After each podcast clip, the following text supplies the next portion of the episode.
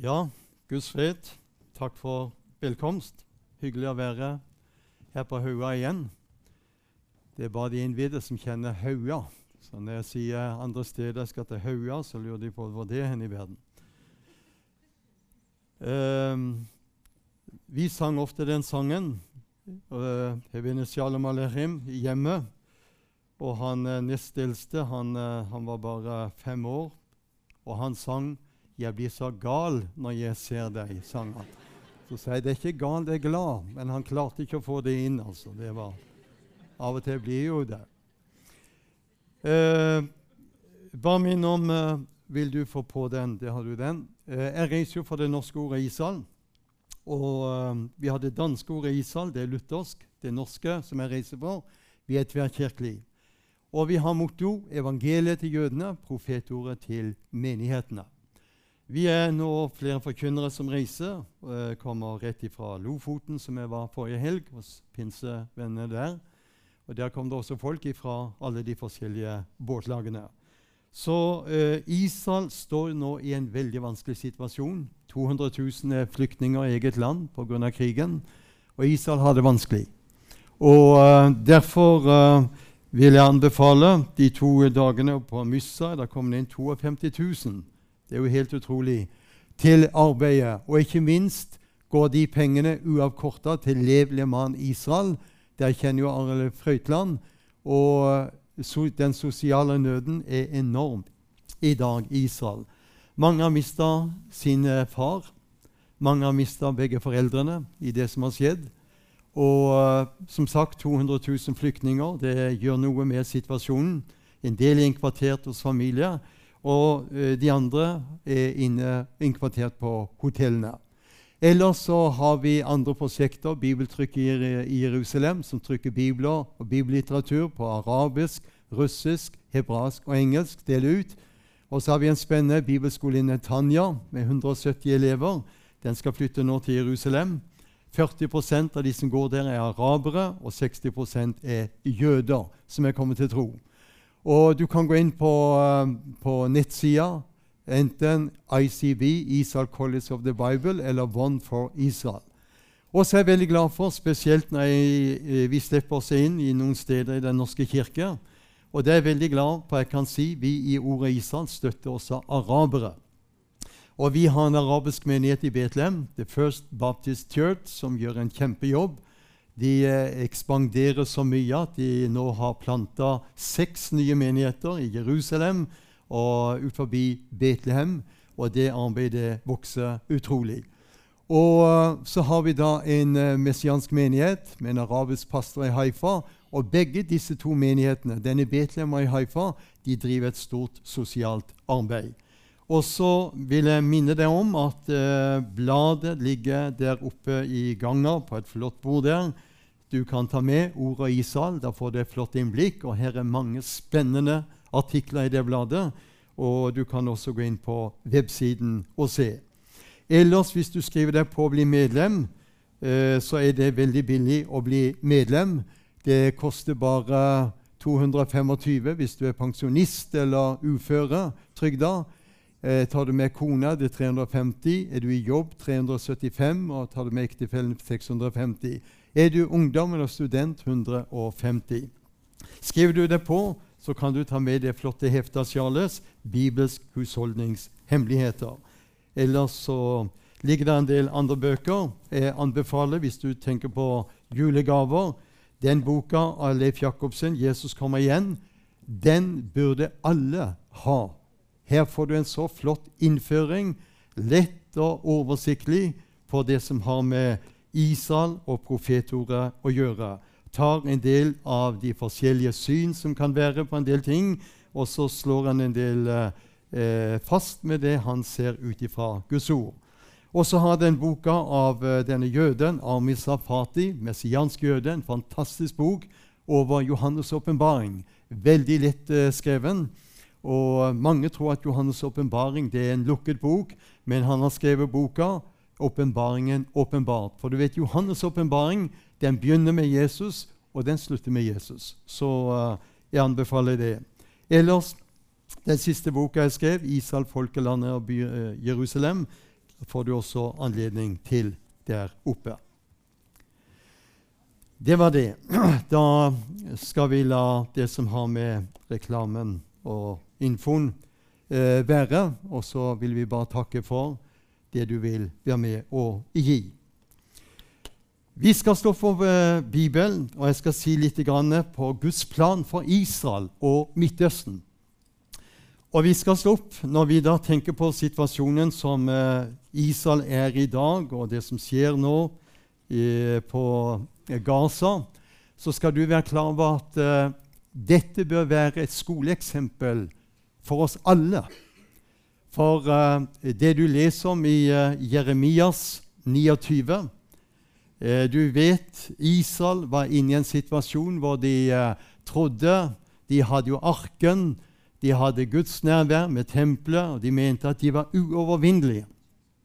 Og så kommer Nebukadneser, Babels hær, og så tar de og angriper Israel og tar en masse med seg til eh, Babel. Dette hadde ikke Israel regnet med. De trodde de var garantert å kunne slippe alt slikt. Og det samme var det som skjedde nå den 7. Eh, oktober. Israel hvilte på at de hadde oversikten. Og i ni måneder har det vært innbyrdes stridigheter. Jeg nevnte en del om dette på, på, fredag, så jeg skal ikke gå videre inn på det. Men alt dette har vist at når Israel var i den situasjonen hvor de ga tydelig uttrykk for hele verden, så tenkte Iran nå er det lett bytte. Vårt militære begynner å opponere mot uh, regjeringen. Hvor soldatene uh, og flyvåpenet begynte å reservere seg. Og venstresiden i Israel var meget skeptisk til, til, til Netanyahu-regjeringen. Og da tenkte Hamas også, med støtte fra Iran, nå blir det et lettbytte. Og så har vi sett resultatet. Og da vil jeg si til det det er et kroneksempel på hvor viktig det er også innad i en menighet at vi legger vind på åndens enhet i fredens sambånd. Ellers er en menighet meget sårbar. Det er kroneksempel på at du må legge vind på også i en familie og en slekt og ha det godt innbyrdes. For er det noe djevelen er interessert i dag, så er det å skape ufred. Men vi som er frelst, vi skal være fredens eksempel. Amen. I Jesaja 46 der står det vers 9 og 10.: Kom i hu de ting som hendte fra eldgammel tid, at jeg er Gud og ingen annen, og det er ingen som jeg. Kan du tenke så flott? Og så sier han videre.: Jeg som fra begynnelsen, som fra begynnelsen forkynner enden, og fra fordums tid det som ikke er skjedd. Det er jeg som sier Mitt råd skal bli fullbyrdet, og alt det jeg vil, det gjør jeg. Gud er suveren. Han har også overblikket over det som nå skjer på Gaza. Og da skal jeg ta det med til, uh, videre til uh, første Korinterbrev, kapittel 10. Og det jeg leser nå, bør du legge på hjertet. For uh, der i 1. Korinterbrev 10, vers 1. For jeg vil ikke, brødre, at dere skal være uvitende om at våre fedre var alle under skyen, gikk alle gjennom havet, alle ble døpt til Moses i skyen av havet, de åt alle den samme åndelige mat, de drakk alle den samme åndelige drikk, for de drakk av den åndelige klippen som fulgte dem, og klippen var Kristus. Og så kommer det Likevel fant ikke Gud behag i de fleste av dem, for de ble slått ned i ørkenen. Og legg merke til hva vi leser nå. Men disse ting hendte som forbilder for oss. Får du med deg det? Det er forbilder for oss, så vi ikke skal ha lyst til det onde slik de hadde lyst til det. Og så beskriver han vers 7 hvordan de drev med avgudsdyrkelse. Vers 8 de drev med hor. De frister Kristus, og så knurret de i vers 10. Og så sier han igjen i vers 11.: Men alt dette hendte som forbilder og det er skrevet til formaning for oss som de siste tider er kommet til. De tider vi er inne i dag. Og da trenger vi å forstå at når det gjelder Israel, så pleier jeg å si når jeg reiser rundt, for jeg er inne i alle konfesjoner Når det gjelder Israel, så kan du trekke en linje midt i menigheten. For og imot Israel. Det er ganske utrolig. Og vet du hvorfor det? Bibelen er en jødisk bok. Den er skreven av jøder til jøder. Og vi som sitter her, hvem er vi? Vi var ville oljekvister som ble podet inn og fikk del i alt dette. Og Bibelen i Det gamle testamentet taler kun om to folk. Det er jøde, og det er hedning. Så araberne er under hedninger.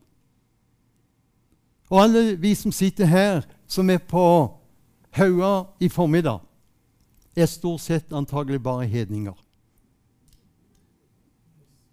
Det liker dere ikke å høre. Men det er noen skikkelige hedninger her på Haua.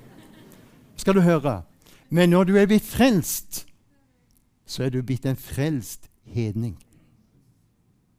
Og så må du over til Nytestamentet. Da møter vi en tredje gruppe. Da er det ikke bare jøde og hedning du møter i Nytestamentet, men du møter den tredje gruppen. Den består og heter Guds menighet. Og Guds menighet består av frelste jøder og frelste hedninger. Det er menigheten. Amen. Og da er det klart, når det gjelder Israel, så legg merke til det er skreven til formaning for oss. Og Israel viser oss fire bilder og sider av Gud. Det første Gud er nådig. Tenk hvor mye nåde han har spandert på dette folket. Det andre Israel viser oss, er Gud er kjærlig. Tenk hvor mye kjærlighet han har bevist på dette folket. Det tredje Israel viser oss, det er Gud er rettferdig. Tenk på alt dette folket har gått igjennom. Det fjerde Israel viser oss, er Gud er hellig, og han står bak sitt ord. Og da er vi inne på det som er temaet deres denne måneden motstrøm. Dette folket har levd i motstrøm hele livet. Og i hele historien har dette folket kjempa mot Gud. Og det er det Jakob fikk navnet Israel, den som kjemper med Gud. Og det er det dette folket har gjort. Og Derfor er det så viktig for oss i dag å være veldig tydelige på at vi ikke bare taler om at Gud er nådig og kjærlig. Men skal vi tale om at Gud er, er rettferdig og hellig, så må vi komme inn på hva er synd. Men vi er kommet inn i en tid i dag hvor vi blir bondefanget som forkynnere. Og i dag har vi fått et nytt ord som brukes for alt det er verd. Det heter 'krenket'. Så hvis du sier, nevner synd, da blir folk krenket. Benevner du synder ved navn, så blir folk krenket.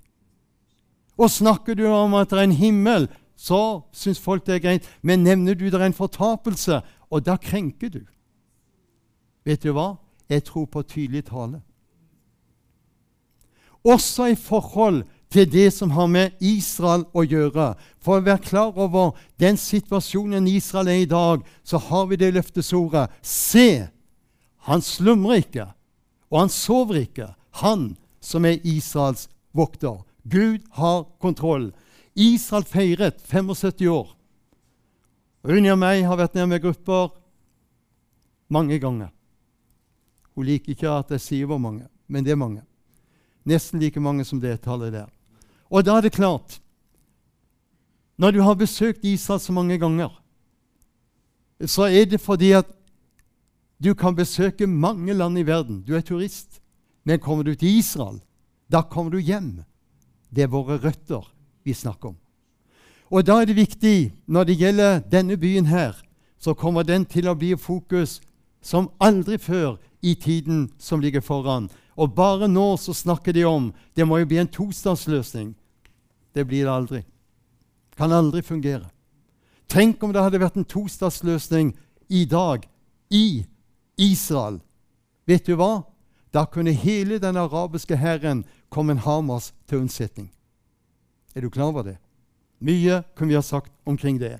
Nå skal jeg ta deg en liten gjennomgang. Her ser du når det gjelder området som eh, David og Salomo hadde. Og du vet, i eh, 1920 så var det noe som heter Folkeforbundet. Det var 52 nasjoner som bestemte alt det du ser her, det skulle Israel få i 1920. Og det var England som var driveren. Men to år etterpå, hva skjedde da? Da delte de 77% Det ga de til Transjordania, som det da heter, senere Jordan. Og Israel satt tilbake med 23% Og da vil jeg si til deg vi har tostatsløsning. For den forrige kongen av Jordan, vet du hva han sa? Far til han som er i dag. Jordan er Palestina, sa han. Og vi som bor i Jordan, det er vi som er palestinere. Så det er en tostatsløsning. Men du skjønner situasjonen i dag på Gaza gjør. Jordan vil ikke ha noe med de på Gaza. Egypt vil ikke ha noe med de på, på Gaza. Og så vet du, det lille landet der Tenk på det over hele verden, alle krigene som er i dag.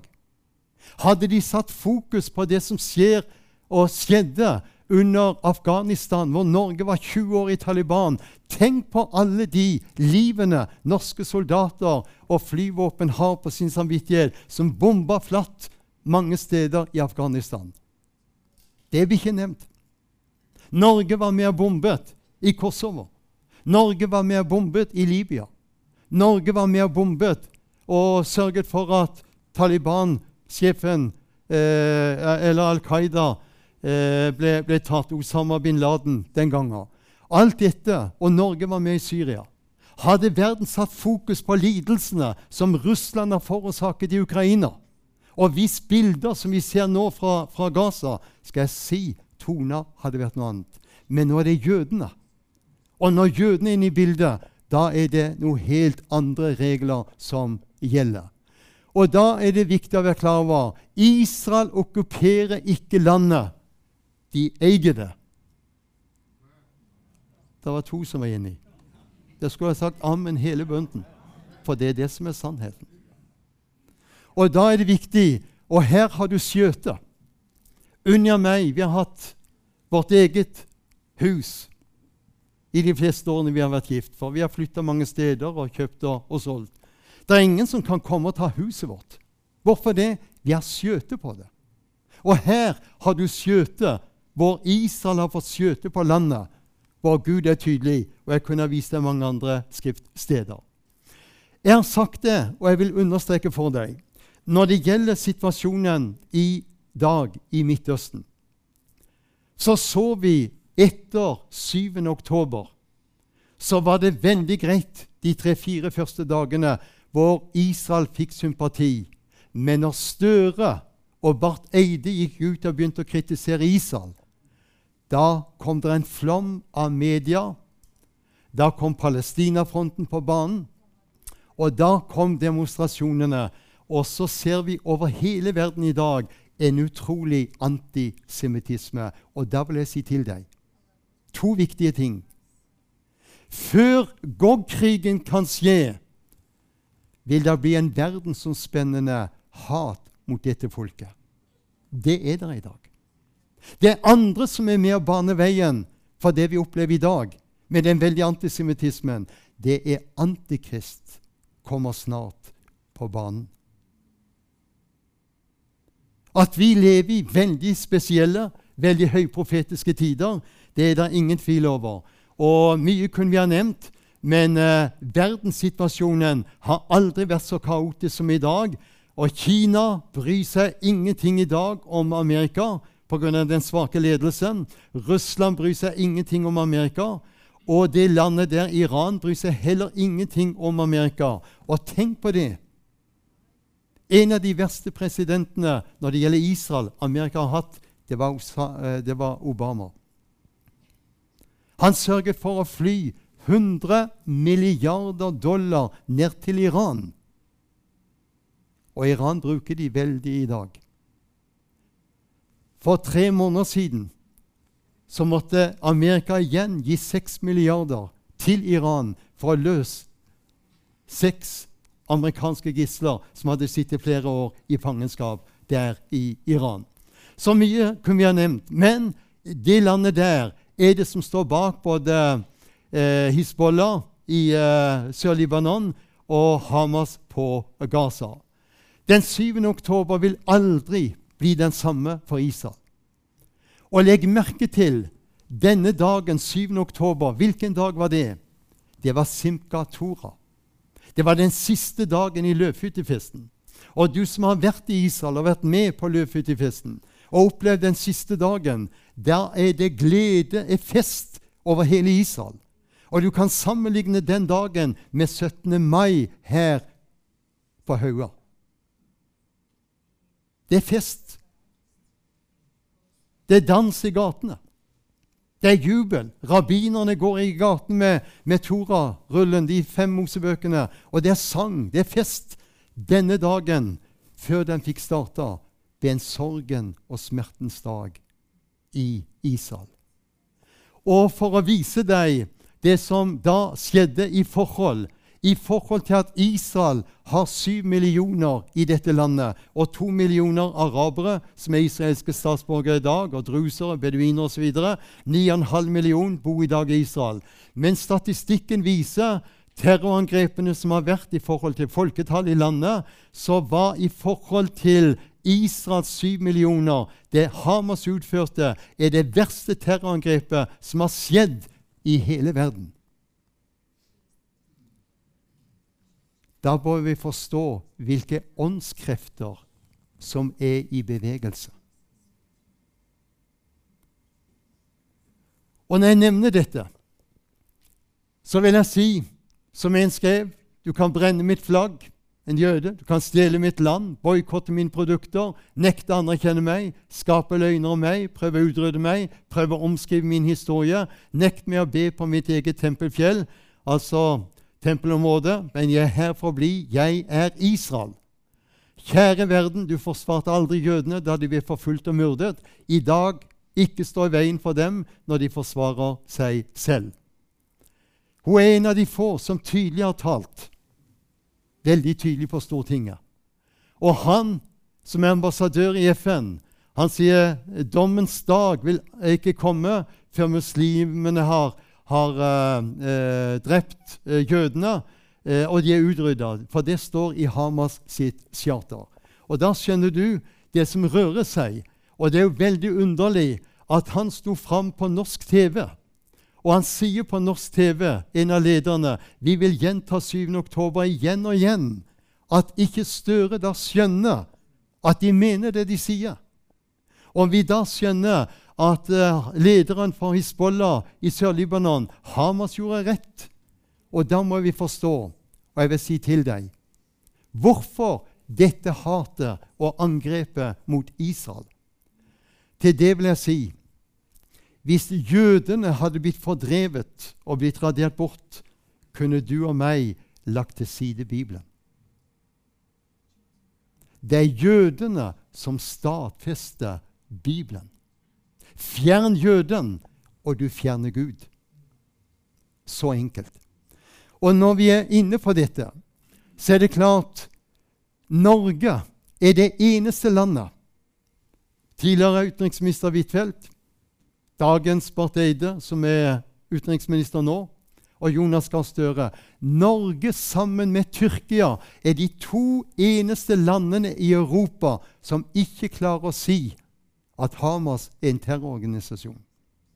Støre sa det Hamas gjorde den 7. oktober, det var terror. Men det var alt. Og da forstår vi at uh, når vi ser at Norge er leder for giverlandsgruppen og har putta inn titalls milliarder i Gaza, så lurer vi på hvor er pengene blitt av. Og det er klart, denne norske legestudenten som har gått fem år der nede i Warszawa, hun bar dette Keep the world clean, altså rens verden, gjør den ren. Eh, hun ble sparket ut av legestudiene.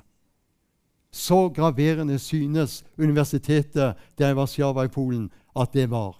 Og det var jo trist for henne. Men uh, også da tenker vi på de eh, heiste Palestina-flagget på Operahuset. Men når uh, det skjedde, det som skjedde 7. oktober, så kunne de ikke heise det norske flagget. Og da skjønner vi hvilken åndskamp som utspiller seg.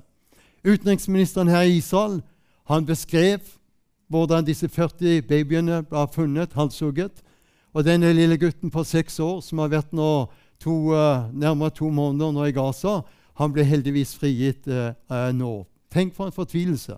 Dette flotte ekteparet her, disse to små tvillingene, gjemte de unna. Sjøl ble de drept. Og her står en av soldatene som fant disse tvillingene utgrått etter 14 timer i et skap.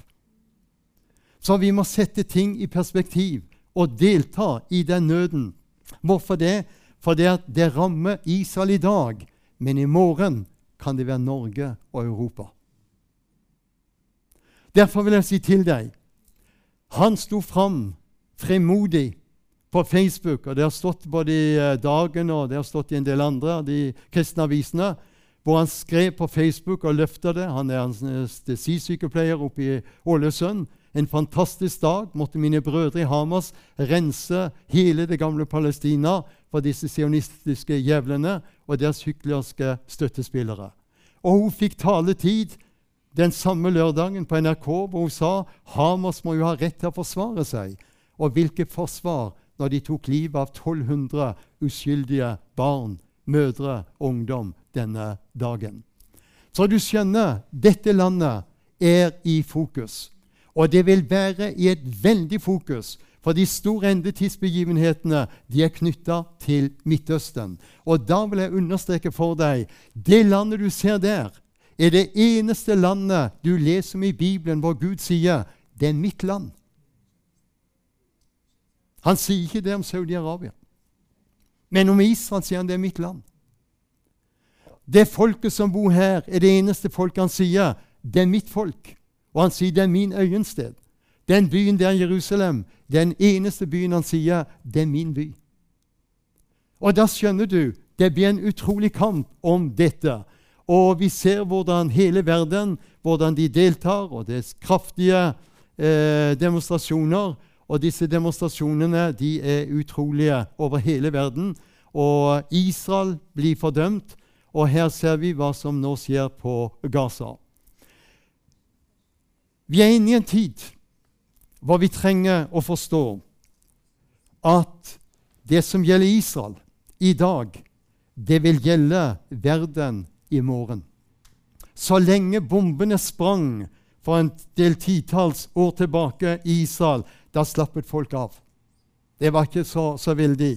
Men når bombene begynte å sprenges i Berlin, i Paris, i London, i Moskva, ja, til og med i Stockholm, da var det terror. Og vi kommer til i tiden som ligger foran.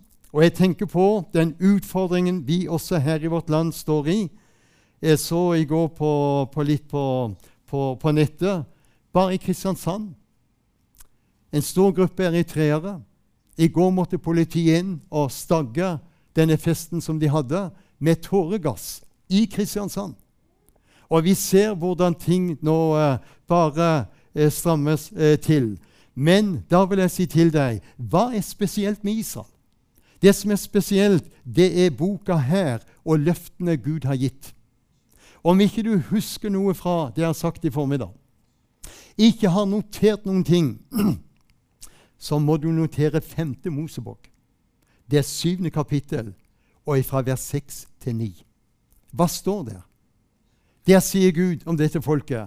Et hellig folk er du for Herren din Gud. Deg har Herren din Gud utvalgt av alle folk på jorden til å være hans eiendomsfolk. Hva er Israel? Israel er Guds jordiske eiendomsfolk. Hva er menigheten? Hans himmelske eiendomsfolk.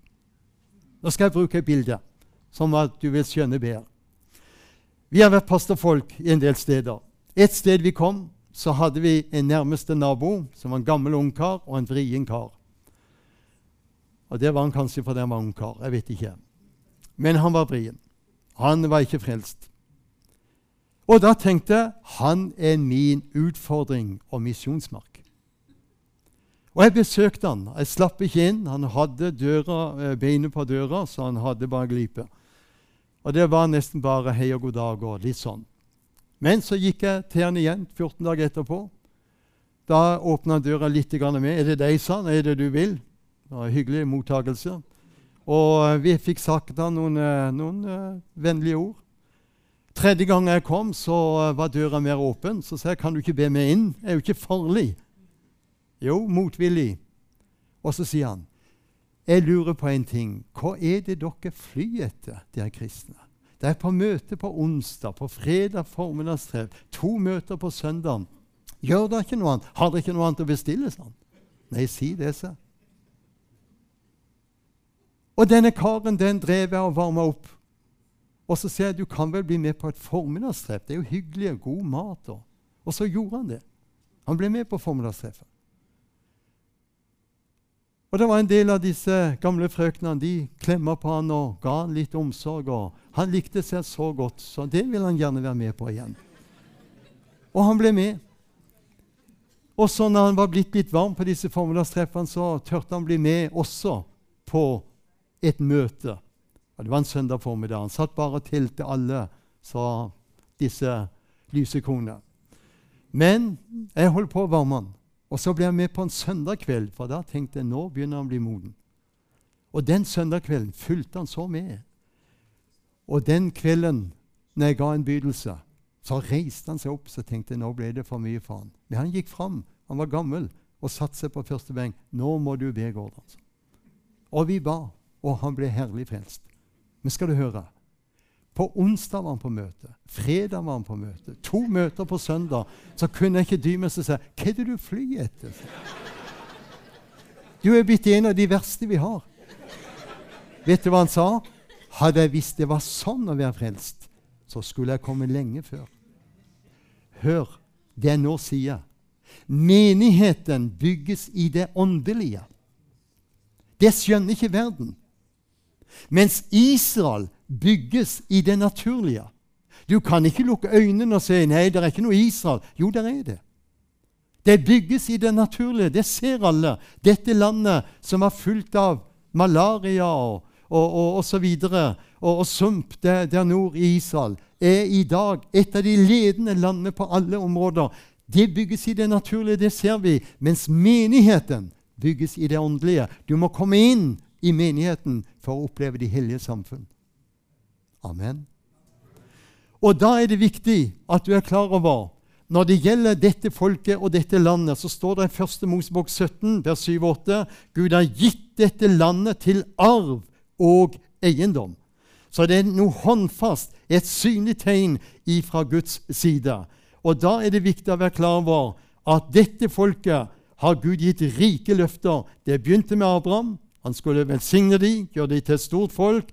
Skulle de skulle bli en velsignelse, og han ga løftet der i 1. Mosebok 12, eh, vers 3. Den som forbanner deg, skal jeg forbanne. Den som velsigner deg, skal jeg velsigne. Og i deg skal alle jordens slekter bli velsignet. Og oppfyllelsen til det verset der er i Galaterbrevet 3. I Kristus er det vi har fått del i denne velsignelsen. Amen. Derfor fikk de spørsmålet, og disiplene stilte Jesus spørsmålet i Apostelens gjerninger 1, vers 6-8. Gjenreiser du på den tid riket for Israel? Hva sa Jesus? Det tilkommer ikke dere å vite tider eller timer som min far har eh, fastsatt. Men, sa han, dere skal få kraft. Og så sier Jesus noe. Dere skal være mine vitner i Jerusalem, i Judea, i Samaria og like til jordens ende. Og hva er jordens ende? Vi har verdens ende ut forbi Tønsberg. Men jordens ende, hvor er det? Det begynte i Jerusalem. Evangeliet har vi hatt i Europa, i Afrika. Vi ser over nasjon etter nasjon. I dag er det Asia. Vi ser evangeliet gå fram som aldri før. Og så skal det tilbake der det begynte, i Jerusalem.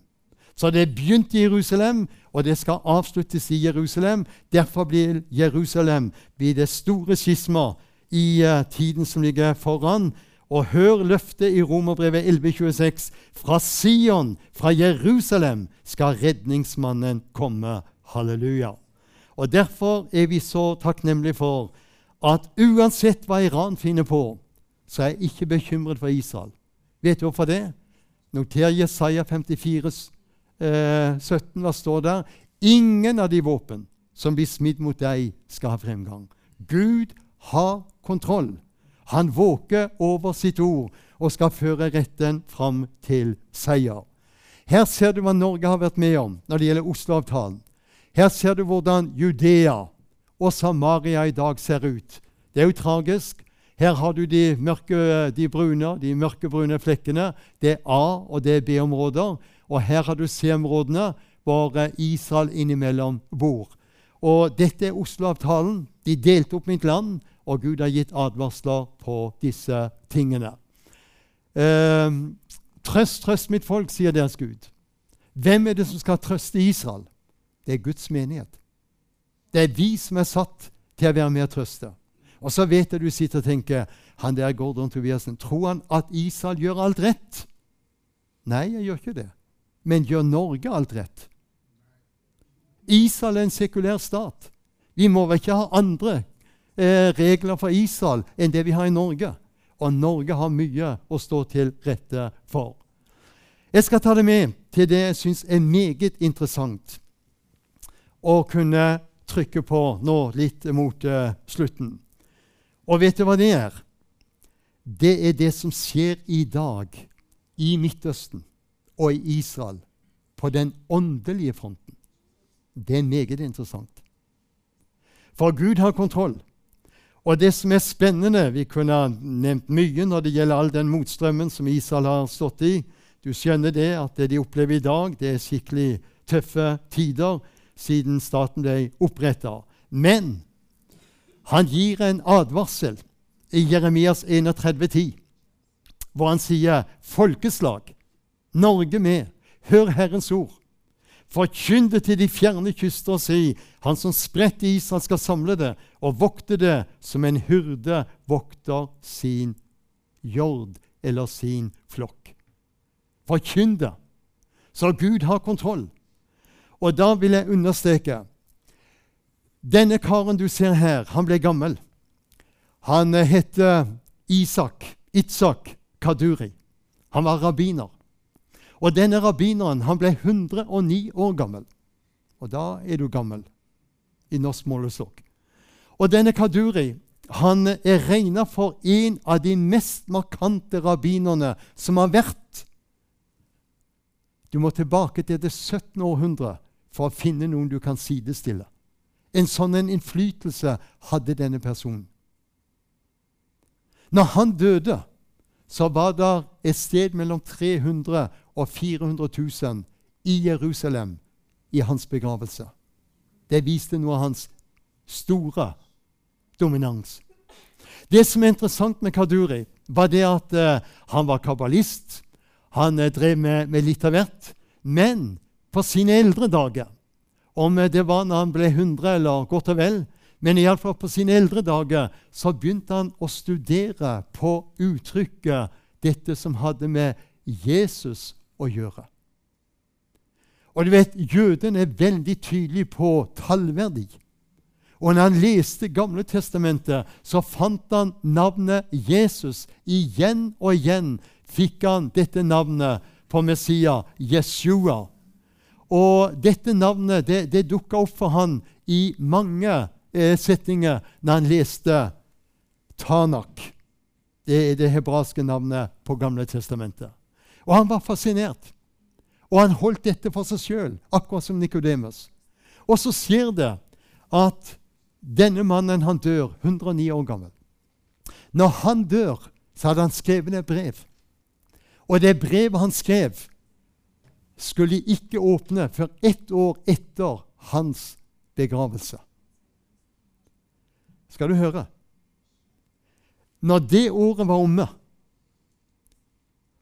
i den synagogen som han hørte til, kom de med brevet. TV, Israels TV, flere kanaler var til stede.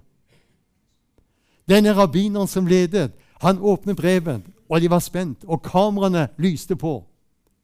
Og så begynte han å lese, og det som kom fram, var det at Itzak Kaduri han hadde kommet til tro på at Jesus var Messias, Guds sønn.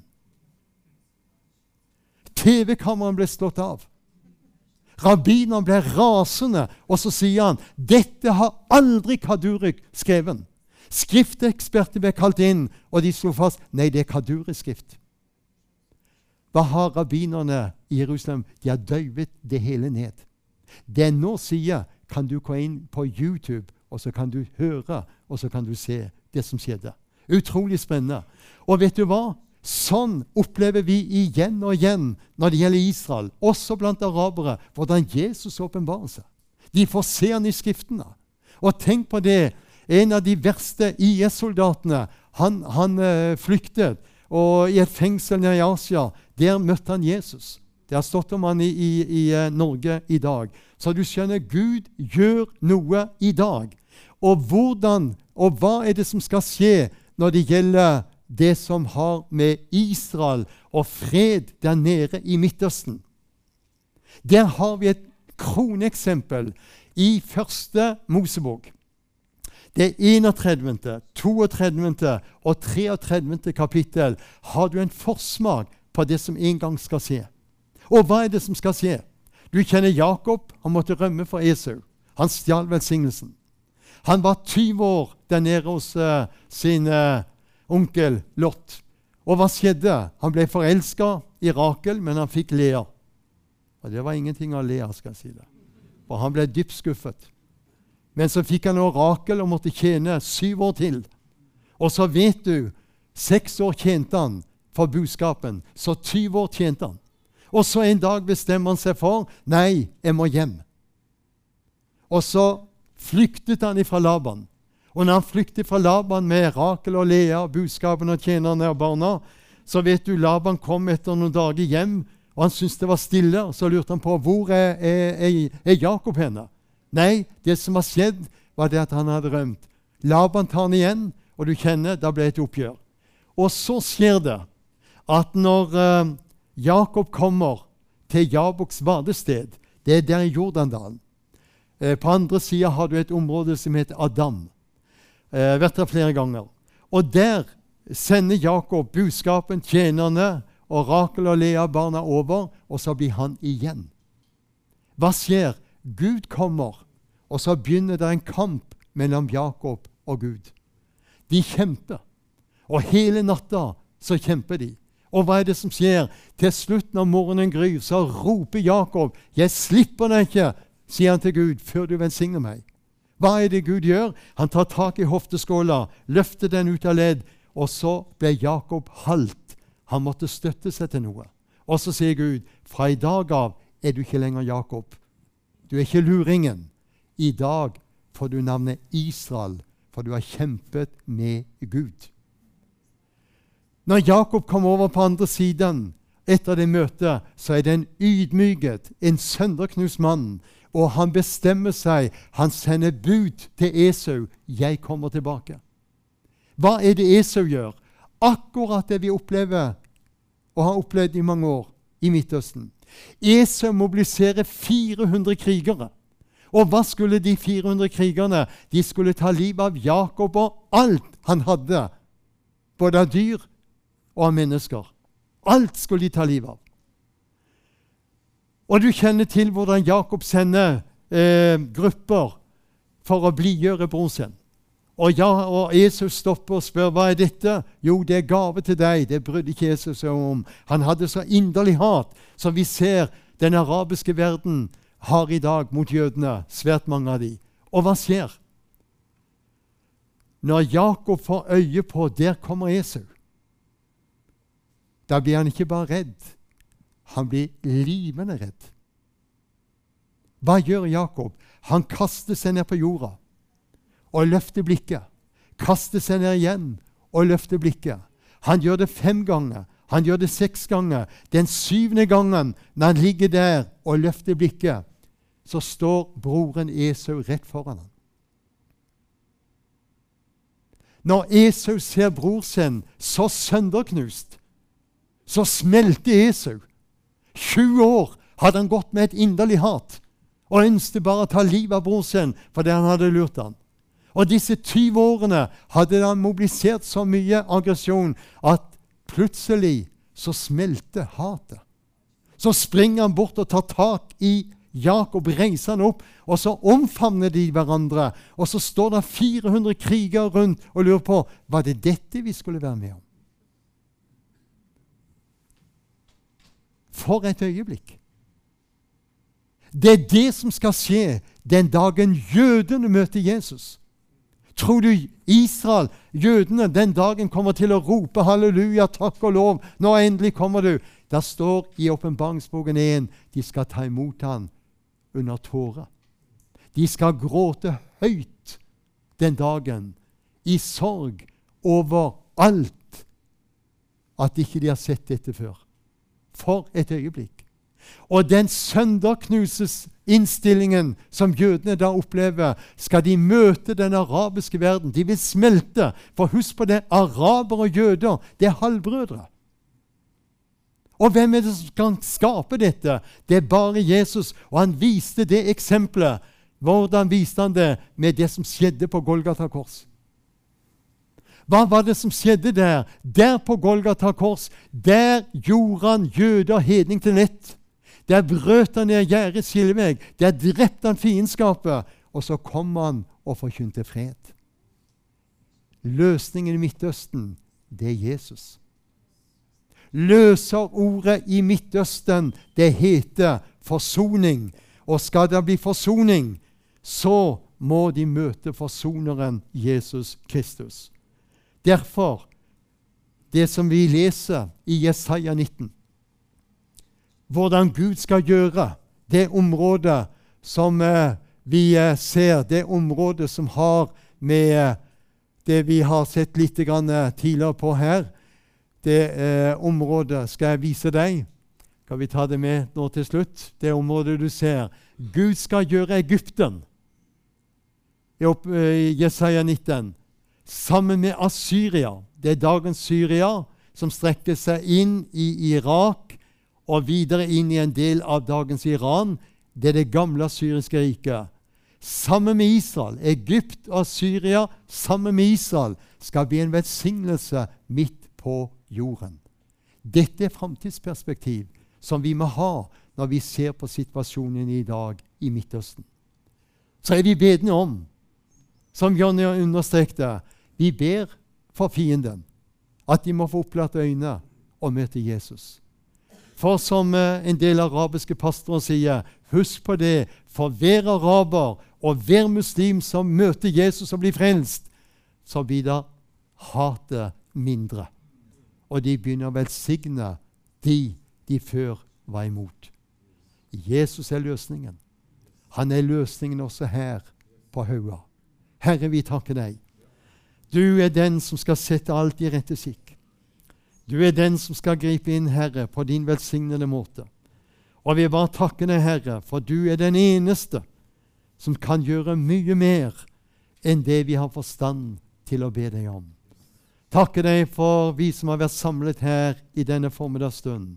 Gi nåde, Herre, at vi har dette overlyset, denne dimensjonen på det vi holder på med, at det er du som er løsningen. At det er du vi må fokusere på, Herre.